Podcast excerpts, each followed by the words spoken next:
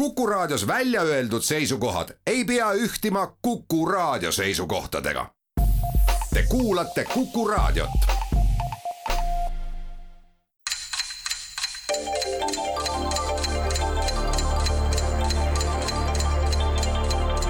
tarkade klubi targemaid küsijaid toetab lisateadmistega Postimehe raamatukirjastus tere taas, Kuku raadio Tarkade klubi tervitab häid kuulajaid ühe arvamuse järgi, kasvujumal Maiuse järgi. Nime saanud kauni kevadkuu viimasel laupäeval, mis korraks küll tagasi tõmmanud selle rõõmsa lõõsamislehvikuna enamikule meist ena esimese korraliku loodusliku jume näolapile tõmmanud ning Eesti arvuka talisupplejaskonna identiteedikriisi paisanud. sest see, milles ollakse harjunud kaks kolmandikku aastast rõõmsalt tutimütsides käima, on osutunud veidi teisemaks, kui oli veel kuu aega tagasi ning väga plass tundub ka Läki-Läkiga tõtt-öelda neil päevil plaažil patseerida. on ka aeg, kui teadlikumad meist on vaata et hirmutamiseni ära informeeritud Nematocera nimeliste putukate tänavuse aasta eriti viljakast äraolemisest, mistap võib juba ette ennustada teatud laadi kirbelõhnaliste pihustite defitsiiti meie kaubandusvõrkudes. Aga üldjoontes ärgem tõesti virisegem, vaid tundkem rõõmu tärkavast kevadest ja lausa valgandavatest väljadest tulevasi puuvilju kandvate taimede kasvukohtades Sirelid rinnas ja must rästa laul kõrvus on ka tänase Tarkade klubi uue tulemise viiesaja kuuendas saates. viistet võtnud erudeeritud inimesed, kes vaheldumisi sääskede poolt tekitatud kratsimisega on aru andmas saatejuhi poolt vahendatud kuulajate küsimustele tänases saates. hea meel on Tartu stuudios tervitada auväärset arhitektuuriloolast Toivo Krekki. Tere päevast! ja Saarde valla ning rattasõidupatriooti spordiinfotöötajat Matis Songa. tervist! Tallinnas on aga laua taga tartlastele ammugi tuttav ja eriti armastatud võitluspaar, tänaseks rahapesu tõkestajate armeega liitunud Kaarel Silmato. tere päevast! ja audiitor ehk siis samuti rahapesuhõngule aeg-ajalt peale sattuv Ville Rannek. tere päevast! tore, et te olete meiega. tänase saate küsimused on jaotunud järgmiste teemade alla. Slava Ukraini, sport, kultuur, naise nimed ja vaaria küsimuste autorid on täna Kivimäe kooli ajaloo ja ühiskonnaõpetuse õpetaja Margus Pillau ja raadiokuulajad Taivo Rist ning Valeri Küpsis. alustame ja anname tänavaavaliku õiguse tartlastele. Toivo ja Matis, palun. haarame spordi või, või tahad? no ma ei tea, no arvad, et võtame nende eest ära? võtame ikka ära, mine no, tea, Kaarel on äkki Kaarel on võib-olla ennast sportlikke teadmisi täiendanud ja see on selline sisenali Kilvarite ringis, ma loodan, et Kaarel ei solvu. Valeri Küpsis muide on leidnud küsimuse. selle spordiala olümpiadebüüdil jõudsid pronksmedalitele suisa neli Nõukogude Liidu sportlast. ja me küsime, millise spordiala. medali pälvisid Oleg Stepanov, Lätist pärit juut Arons Bogoljubovs ja grusiinid Parnos Tšikviladze ja Anzor Kiknadze NSV Liidu sportlaste saavutus oli seda märkimisväärsem, et selle spordiala meistrivõistlusi hakati tolles riigis aga pidama alles üheksa aastat pärast olümpiadebüüti. Ehm, minu teada oli see tuhat üheksasada kuuskümmend neli olümpiadebüüdi teinud judo seal olid grusiinid kas... on kõvad tegijad kogu aeg olnud. oot-oot-oot, kas sai nii palju, lausa neli medalit võita? neli kaalu oli ja tollal oli veel see võimalus, et äh, see ühes kaalus kaks tükki välja veel panna. aga neli kulda? neli pronksi aa, neli pronksi või? siis ma kuulasin jälle valesti, mis üks vahe kõik mm, -hmm. kuld või pronks. noh, siis olid ikka jaapanlased võtsid kõvasti ja siis oli Kesinki nimeline mees veel mm -hmm. ja et, et kui neli pronks võis olla küll ja kuuskümmend neli, et seitsekümmend kolm, sest siis oli see kohalik värk nimega sambo, sambo ju. samba oli põhiliselt jah.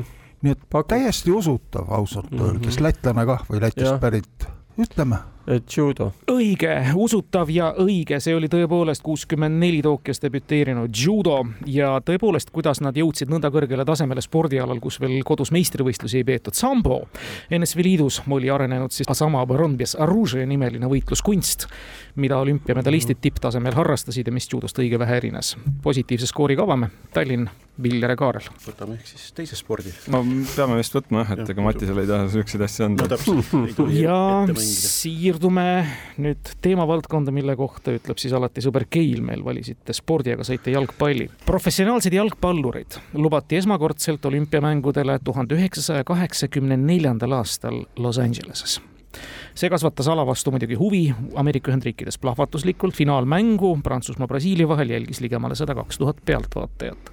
millisel tingimusel tohtisid professionaalsed jalgpallurid osaleda just tuhande üheksasaja kaheksakümne neljanda aasta Los Angeles olümpiamängudel? hiljem on muidugi neid tingimusi ROK-i ja FIFA koostöös muudetud. mis oli aga toona see tingimus, miks lubati või kuidas lubati profid peale? Nonii, kuulnud ei ole. see oli, see oli ainult tuhat üheksasada kaheksakümmend neli. siin võib siis olla midagi nagu selle boikotiga kuidagi seotud midagi. kaheksakümmend kaheksa ja edasi olid alla kahekümne kolmesed. ja, ja see kakskümmend kolm oli jah. no just U kahekümne kolmest võis sul olla mm, -hmm. mis ju mingeid, mingi hulk neid mehi, aga kaheksakümne neljandal samamoodi, kohe nagu. ja aga kas tead, et kaheksakümmend neli ei olnud U kakskümmend kolm?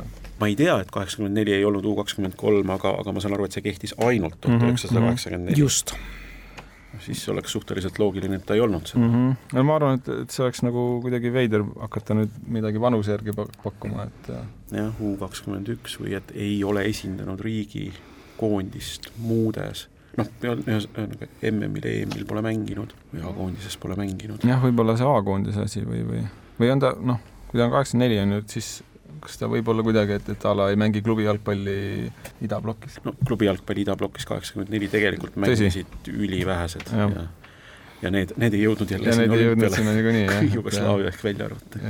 vot jah, olümpiajalgpalli nagu väga ei ole vaadanud. Mm, sellel ajal jah, mina olin veel väga noor ja, ja sul oli veel raskemaid probleeme vaatamisega. ja, ja okei okay,, aga, aga päris selline loogiline pakkumine on see A-koondis, see on muidugi kategooriast, et see on liiga loogiline, et noh, ta ei ole isegi li-, liiga hea küsimus. mõtleme suti veel mm. -hmm.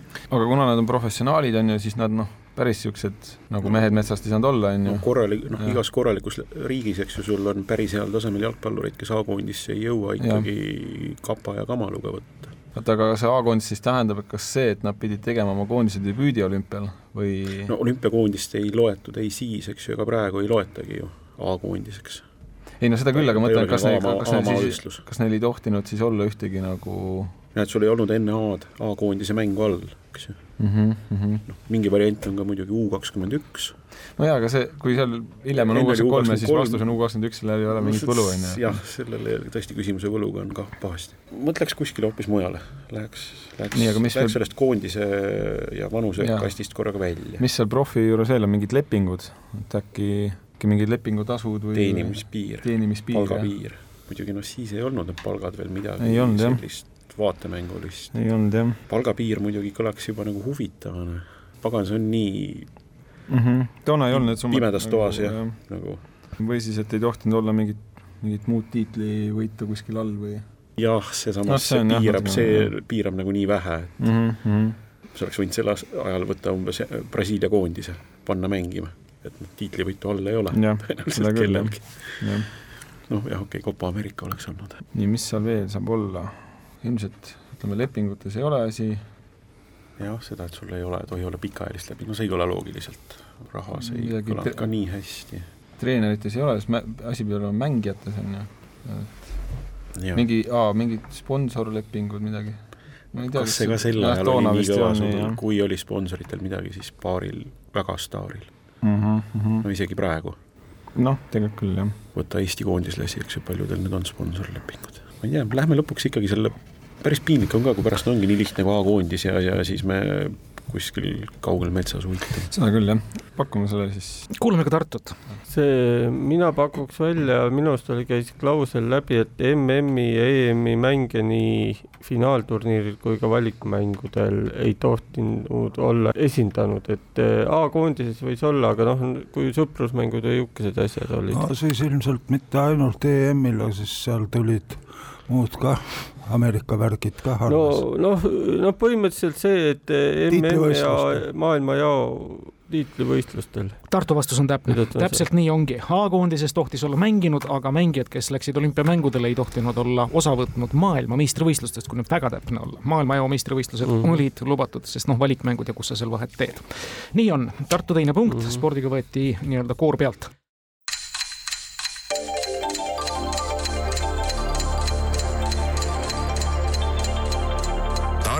saateklubi.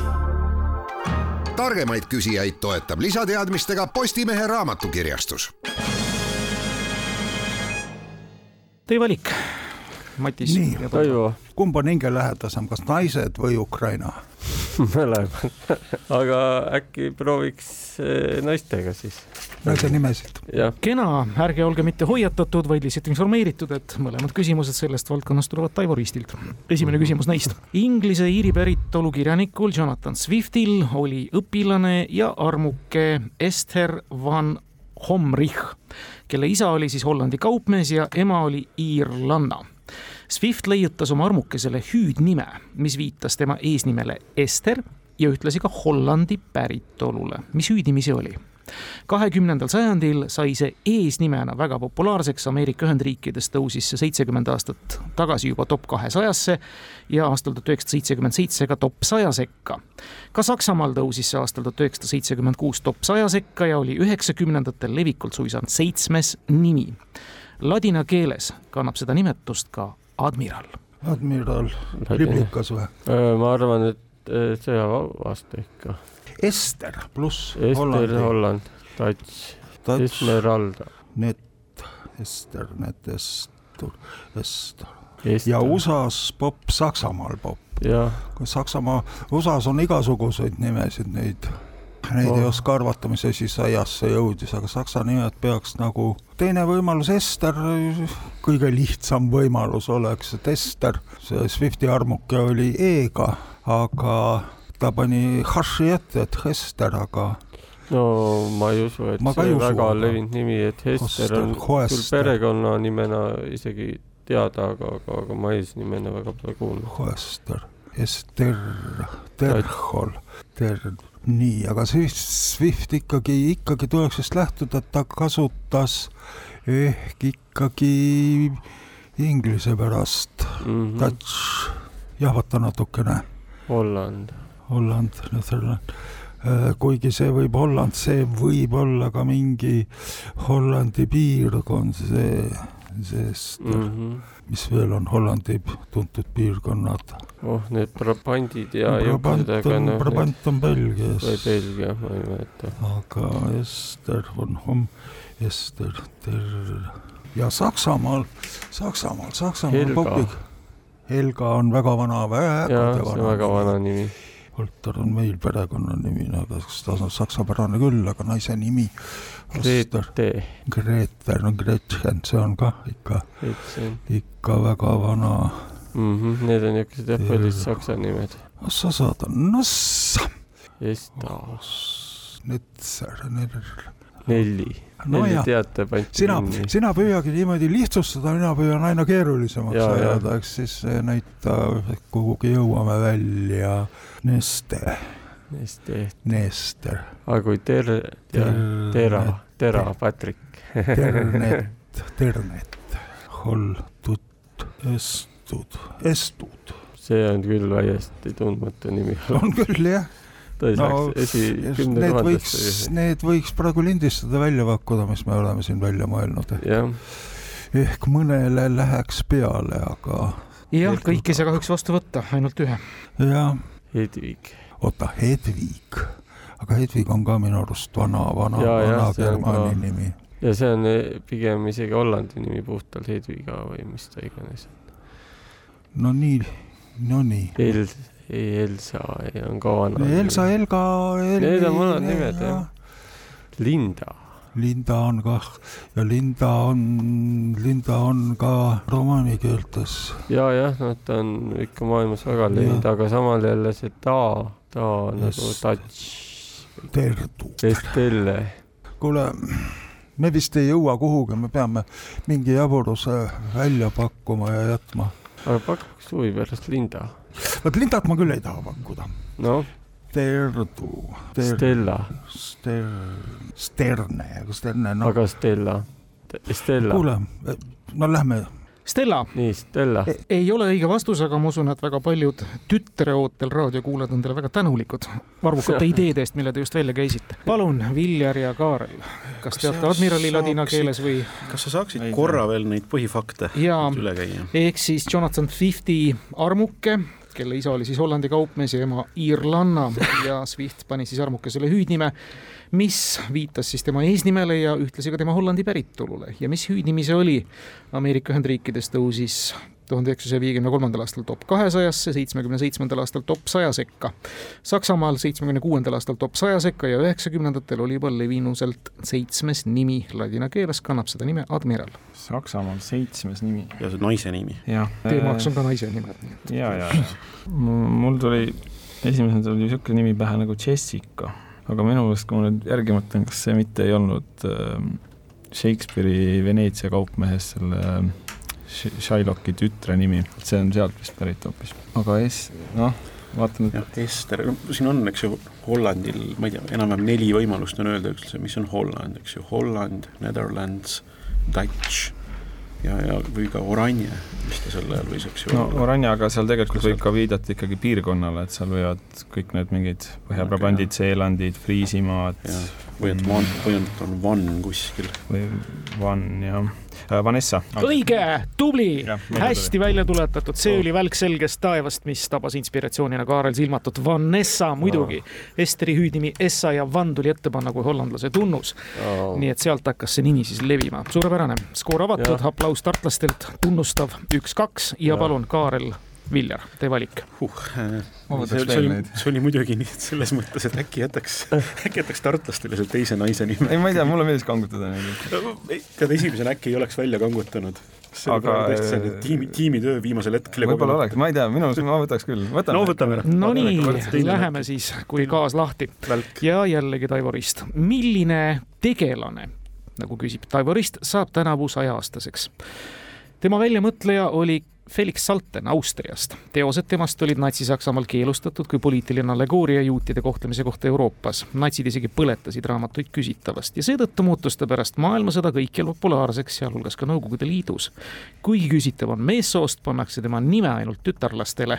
tema nimelistest mainib küsija James Bondi vaenlast filmis Diamonds are forever ja pornonäitlejat filmist Debbie Does Dallas. päris palju kirevaid fakte. Diamonds are forever see on tuhat üheksasada kuuskümmend seitse, eks ju. Äh, no mina tean, mida see Felix Salten kirjutas, et, et sellega on nagu nii. et tema minu meelest kirjutas niisuguse asja nagu Bambi. õige. Ja jällegi oleme õiges kohas, Bambi on see nimi, mida tahtsime teada kaks-kaks, näed sa, nimedega tõmbate tartlaste spordile järgi, nõnda see mäng täna meil kulgeb. nii et välgud tulevad, see valik oli õige. Salten, Salten oli kord. selle aasta peale meil on kultuurivaarijat ja Ukrainat, head tartlased, viigiseisult saate valida. nii. Ukraina. Ukraina. Ukraina keeles nii nagu soome keeleski näiteks ei ole kuu nimetused mitte ladina keelest tuletatud eesti, vene ja paljudest teistest Euroopa keeltest erinevalt, vaid need on enda päritolu, originaalsed, tavaliselt vastavale kuule omase mõne loodusnähtuse või agrikultuurse tegevuse järgi. küsime nüüd ühe kuu ukrainakeelset nimetust mis muide Liviko ühe omaaegse kahekümne kaheksa kraadilise toote eestikeelse nimega tõlkes kattub. ka selle muide võite vastuse variandina öelda. vastav märjukese hind oli ilma pudelita kaks rubla kolmkümmend kaheksa kopikat. kuu, mida teada tahame, on ühe tüüpilise looduses toimuva protsessi järgi nõndaviisi kutsutud meie laiuskraadidel leiab vastav iga-aastane protsess pigem kuu aega varem kui Ukrainas aset. nii, sellega ilmselt, ilmselt. On seotud üks anekdootlik, aga tõsilugu, kuidas vene keele eesti keelest vene keelde ja vene keelest tagasi eesti keelde tõlgiti ühte Eme Beekmanni romaani, mis mingi preemia võitis. Eesti keeles on see kuu viinakuu, aga ukraina keeles peaks siis listopatt olema. Mm. -hmm hiilgavad haruldased teadmised, ma ei hakka Toivo küsima, millistele faktidele tulenevalt sa selle peale tulid. oli see seesama kaks rubla kolmkümmend kaheksa kopikat või miski muu? Alistopat on õige, tõlkes lehesadu ehk november, vihjatud märjuke oli siiski mm -hmm. Nimega lehesadu. muide ka Tallinnas noogutatakse asjatundlikult selle peale aga palun, Viljar Kaar, me oleme poole mängu peal väga hästi läinud, kõik küsimused on saanud vastuse kätte. no proovime kultuuri. ja taaskord Taivo Rist, kes on olnud väga viljakas küsija just neil nädalatel. Hiiumaal asutati aastal kaks tuhat neliteist Rahvateater, mis esialgu oli mõeldud ainult ühe etenduse jaoks ja seepärast ei hakatud ka trupile esialgu nime andma etendus läks aga edukalt ja trupp kutsuti mitmel puhul ka kordusetendusele kui järgmisel aastal otsustas trupp taas kokku tulla ja uue näidendi lavastada, oli selge, et nüüd tuleb võtta ka näitetrupile nimi. ja oma esimese etendatud näidendi järgi võetigi nimeks Naadi teater. Mis oli see nõnda menukaks osutunud esimene näidend? kõlab lõpuks küsimus kõige lihtsam vastus, mis kohe pähe tuleks, jah, oleks muidugi nipernaadi, aga, aga mõtleme nüüd sekundi, see, see oleks nagu välk ja kui välgu mööda panna. küsiti näidendit mm. -hmm. jah, kultuur no,. No, Nende etendatud näidend. no mul ei tuleks ka kohe nagu midagi muud, oot, ootame, oota, mõtleme sekundi sest ma oleks tahtnud ka nipernaadi kohe sest öelda. sest ta ei aga... kirjutatud ju näidendi vormis, aga ta võib olla nagu no sa võid ta lavastada Lava, ikka, eks ju. jah, jah, okei okay.. filmiks on ta ju kah ikkagi tehtud. okei okay,, no see oleks nagu niisugune otsene sõnaline nimeline vihje, okei okei aga naadi, naat, midagi veel, noh, naat, taimed mm,, vaevalt. kas lihtsalt jah, kuskilt jookseb palju naati läbi? väga tähtsa asjana. stiilis, ma ei tea, Eesti matuseni on seal puuriidad, ma ei tea, Miku Märdi no see läheb juba ikka nagu jah no see läheb väga tuletamiseks, no see Nadia jah, selles mõttes hakkas, hakkas nagu häirima, et, et, et kohe tuli mõlemal pähe, aga see kõlab kuidagi nagu lõks lõksu sees. kas see on kahtlaselt lihtne või on nagu väga riukalik lõks? ja muidugi jah, see on see, et see on nii lihtne, et selle, sellest nad panevad üle, see oleks eriti vastik lõks. aga samas nagu mõtleme nüüd selle, kui me ei pakuks nipernaadi ja siis nemad pakuvad, siis ei jõua neid silmi ära peita muidugi. just nimelt, et, et nagu see küsimus on üles ehitatud nii, me, me peame anyway, me peame pakkuma nipernaadit ja me ei saa ennast sellest ju välja rääkida kuidagi.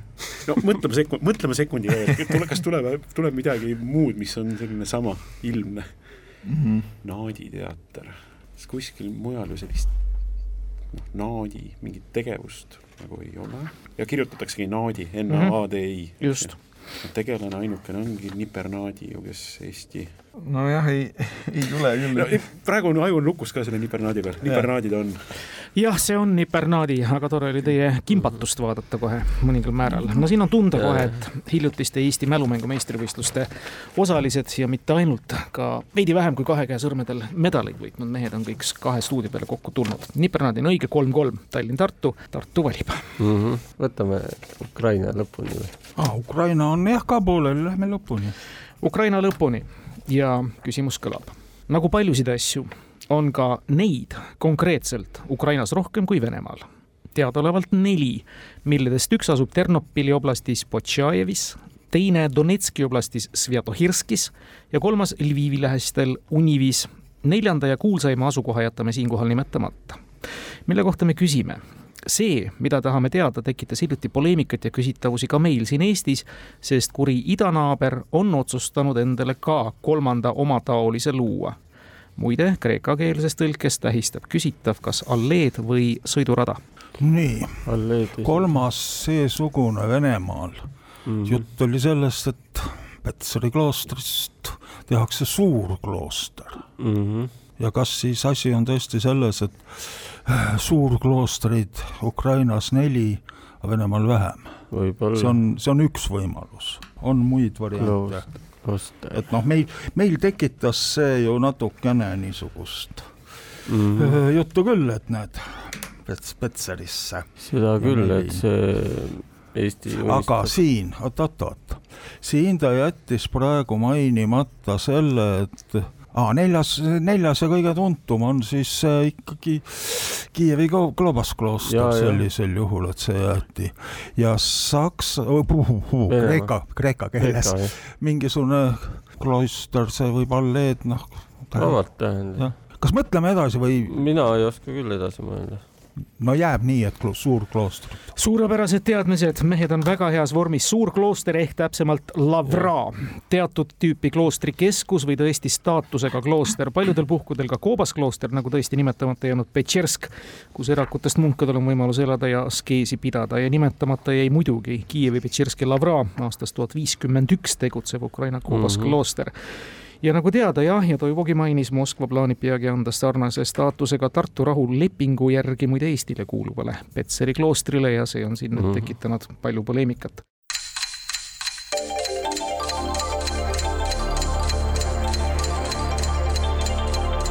tarkade klubi targemaid küsijaid toetab lisateadmistega Postimehe raamatukirjastus see on neljas punkt teile, Tallinna kolme vastu, me liigume väga viljakalt ja väga nobedalt, nõndaviisi, et meil on kolm küsimust lõpuni, vaariat või kultuuri? võtame teise kultuuri. no võtame seda kultuuri, jah. vähe pikem sõnastus küsimusele, aga kindlasti iga komakohani väärt kuulamist käesoleva kauni kevade helgeid meeleolusid on kaugelt kostuvale sõjakõminale lisaks tumestanud veel ka näiteks Riigikogus toimuv ja muuhulgas kindlasti samuti kiriklikud arutelud Juhan Smuuli koha üle nii kirjanike maja seinal kui Eesti kirjandusloos üldse. poeem Stalinile ja mina, kommunistlik noor, olid ta siira ja naiivse, kuid Eesti rahva eksistentsi perspektiivi seisukohalt hukatusliku vaimse mõttelaadi viljad Pole saladus, et ka lääneriikide intellektuaalide hulgas lihtsameelseid, kellele Nõukogude Liit ilma mingi välise käsu või surveta sümpatiseeris, arvestataval hulgal leidus.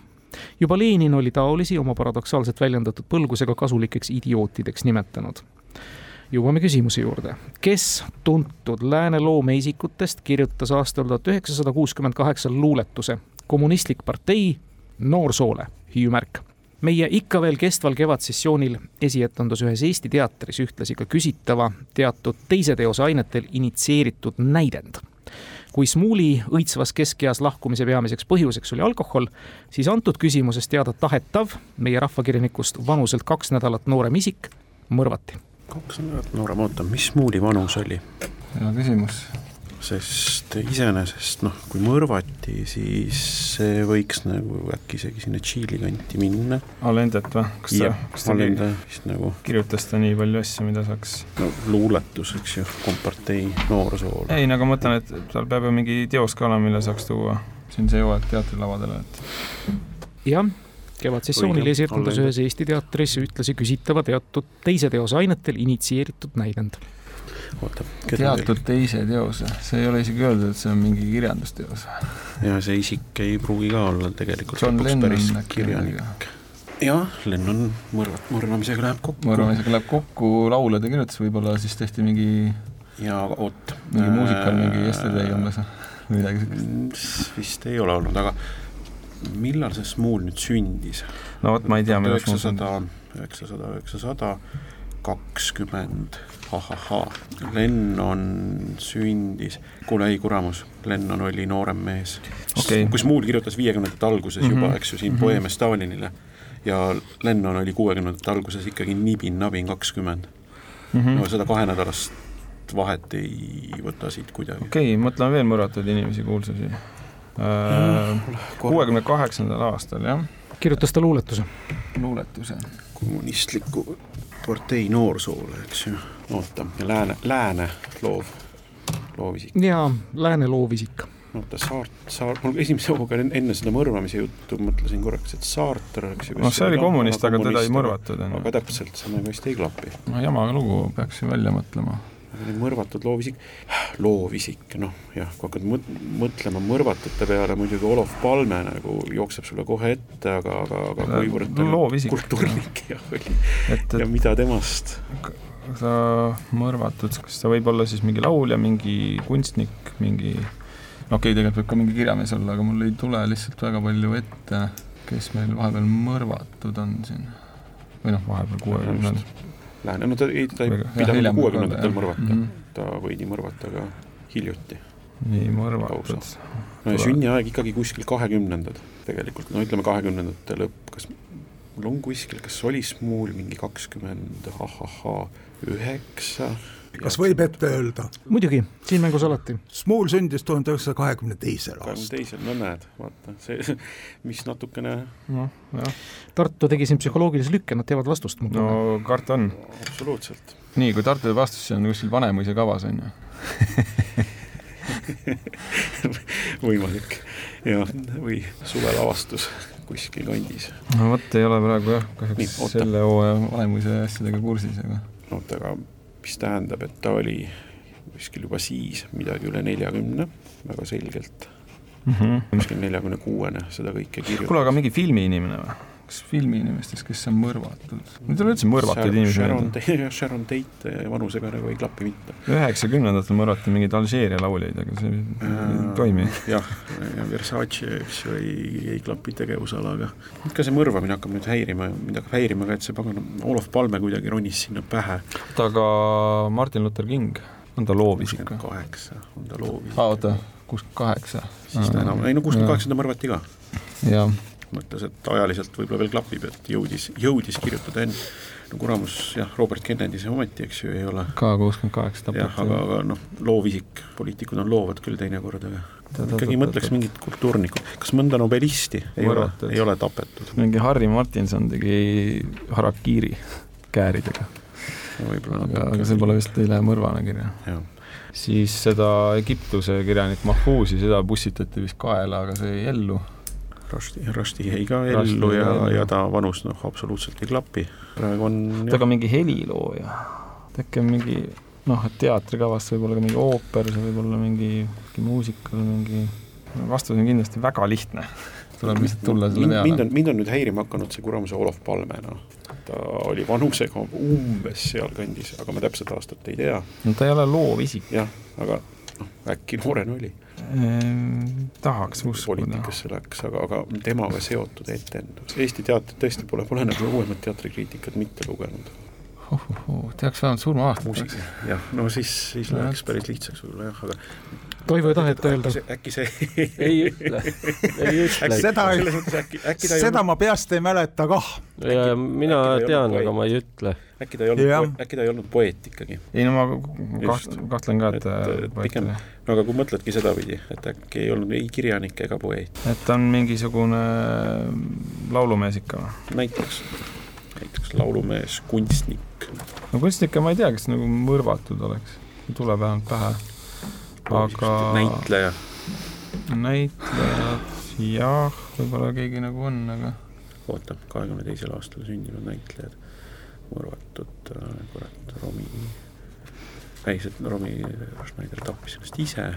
jah no vot, nüüd istud kännudega kinni ja häirib küll natukene see, et, et nad paganamased juba teavad, ehk et no raske on jah, aga, aga no peab välja mõtlema, et äh, mingitest muusikutest, kes on mõrvatud, mingeid räppareid on olnud mõrvatud, aga need taas lähevad sul kahekümne, kahekümne seitsmendal. noorsoole ja, ja kahekümne teisel sündinud mm. -hmm. äkki ikka ei sobi, mingid, oota, mingid mustanahalised muusikud.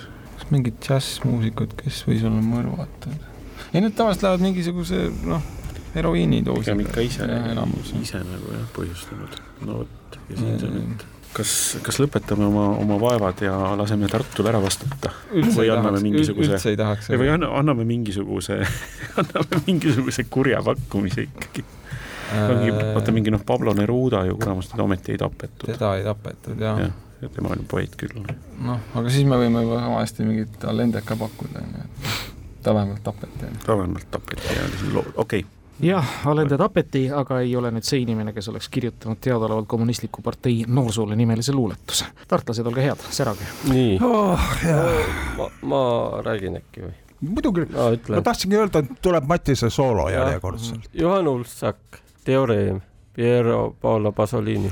täpselt, sündinud viiendal märtsil tuhat üheksasada kakskümmend kaks ja tapetud teisel novembril tuhat üheksasada seitsekümmend viis seni lõplikult selgitamata asjaoludel ja päris julmalt vihjatud lavastus oli tõesti teoreem Johan Ulfsaki poolt Eero mm. Epneriga koostöös Draamateatris välja toodud. Pasolini sama pealkirjaga poeetilise jutustuse ja omakorda sellest tehtud filmi põhjal. küsimuses mainitud luuletus on siis itaalia keeles ja itaaliakeelses originaalis Il Pece i ai Giovanni ja see Il Pece i on siis partita comunista italiano mm. -hmm. Tartu viies punkt, rebib eest ära, aga Tallinnal on vaariaga võimalus järele tulla, sõltuvalt sellest, kuidas tartlaste esimene vaaria õnnestub. oleme väikese rahvana kogu aeg otsinud midagi, mis ainult meile, eestlastele omane on, millega me teiste hulgas nendest millegi originaalsega eristudes silma paista saaksime üks valdkond, kus see isegi kindlalt võiks õnnestuda, on rahvuslikud algupärased toidud. võib-olla sobiks selleks, pakume verivorst, aga siiski, antud kehakinnitus on juba ammustest aegadest paljudel teistelgi rahvastel mitmetes variatsioonides kasutusel olnud. aga äkki siis kama?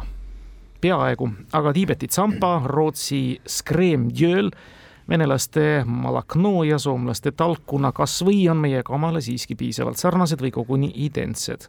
aga ometigi tühjade kätega me käesoleva küsimuse eesmärgi püstitusest lähtudes ei jää on olemas vähemalt üks Eesti produkt, mis Vikipeedias näiteks Eesti omale lisaks araabia, kreeka, baski, prantsuse, jaava, vene ja võro keeles eraldi artikliga on tähistatud ja kõik need selle genuiinseks Eesti toiduks kuulutavad.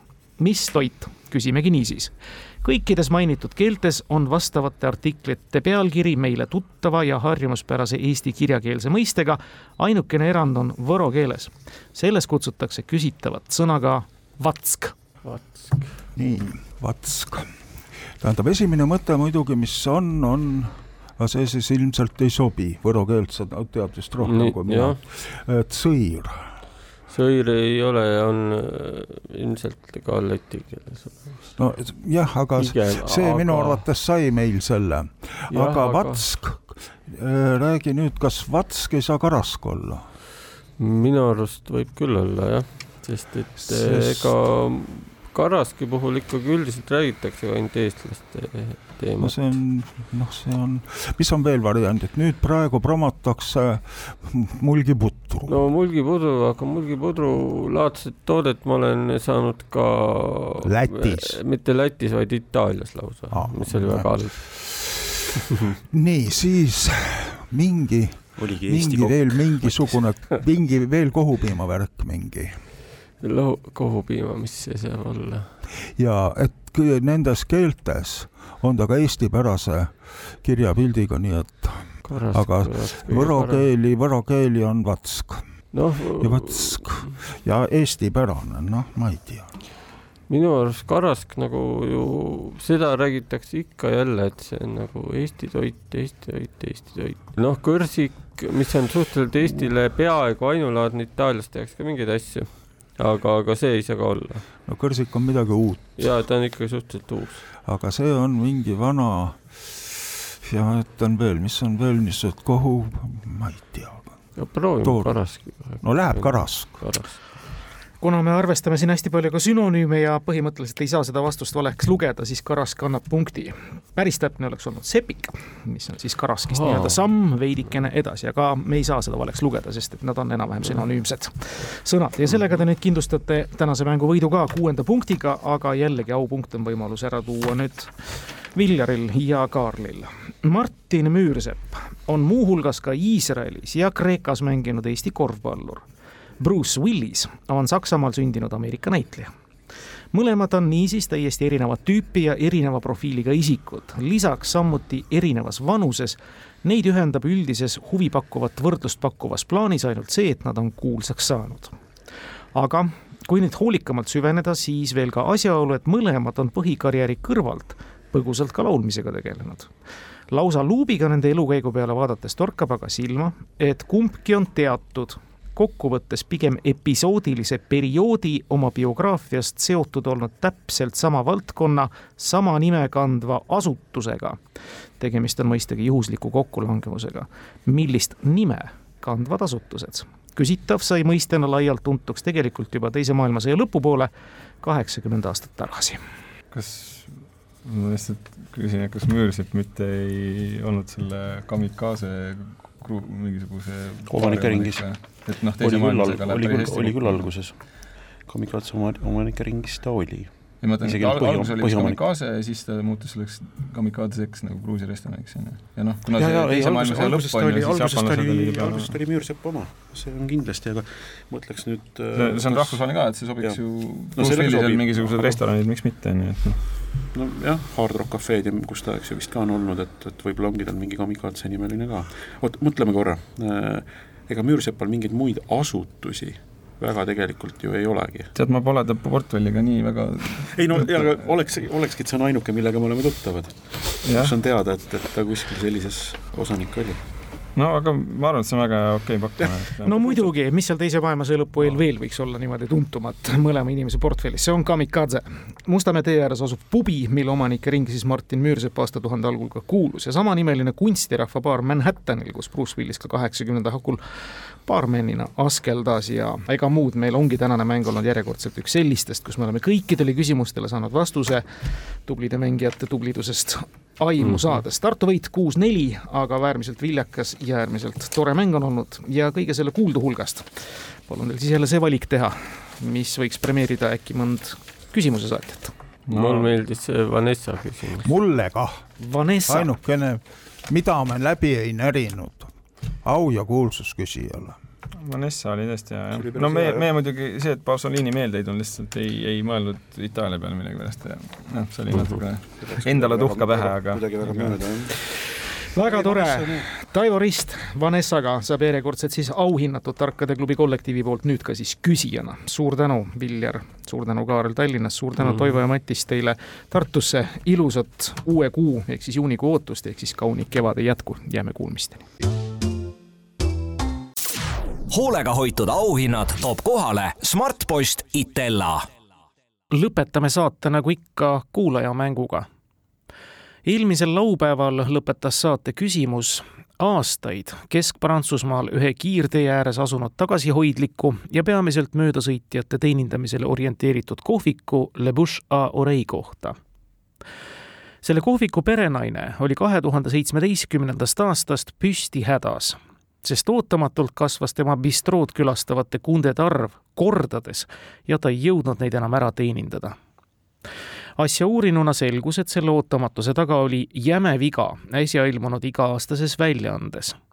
millises väljaandes, kõlas küsimus õige vastus on, et see väljaanne oli Michelin giid, mis eksikombel just nimetatud kohvikule, mitte tema nimekaimule Pariisis, oli omistanud oma kuulsa kvaliteeditärni see põhjustas ka kohviku ootamatu ummistamise huviliste poolt. kõige õigesti vastanute vahel naeratas Luusien kuulaja Margareeta Telliskivile. palju õnne, teiega võtame ühendust.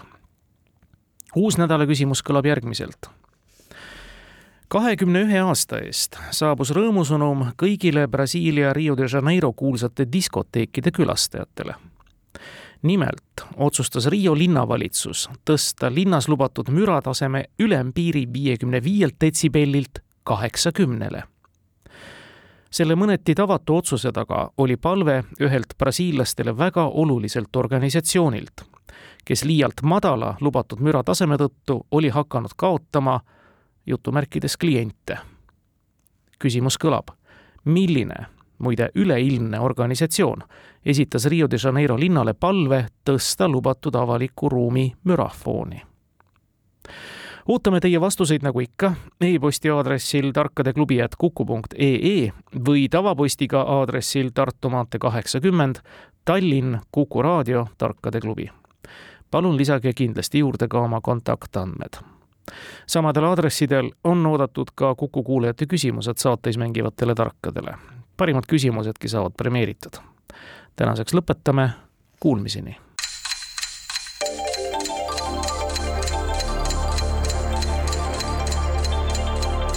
tarkade klubi. targemaid küsijaid toetab lisateadmistega Postimehe raamatukirjastus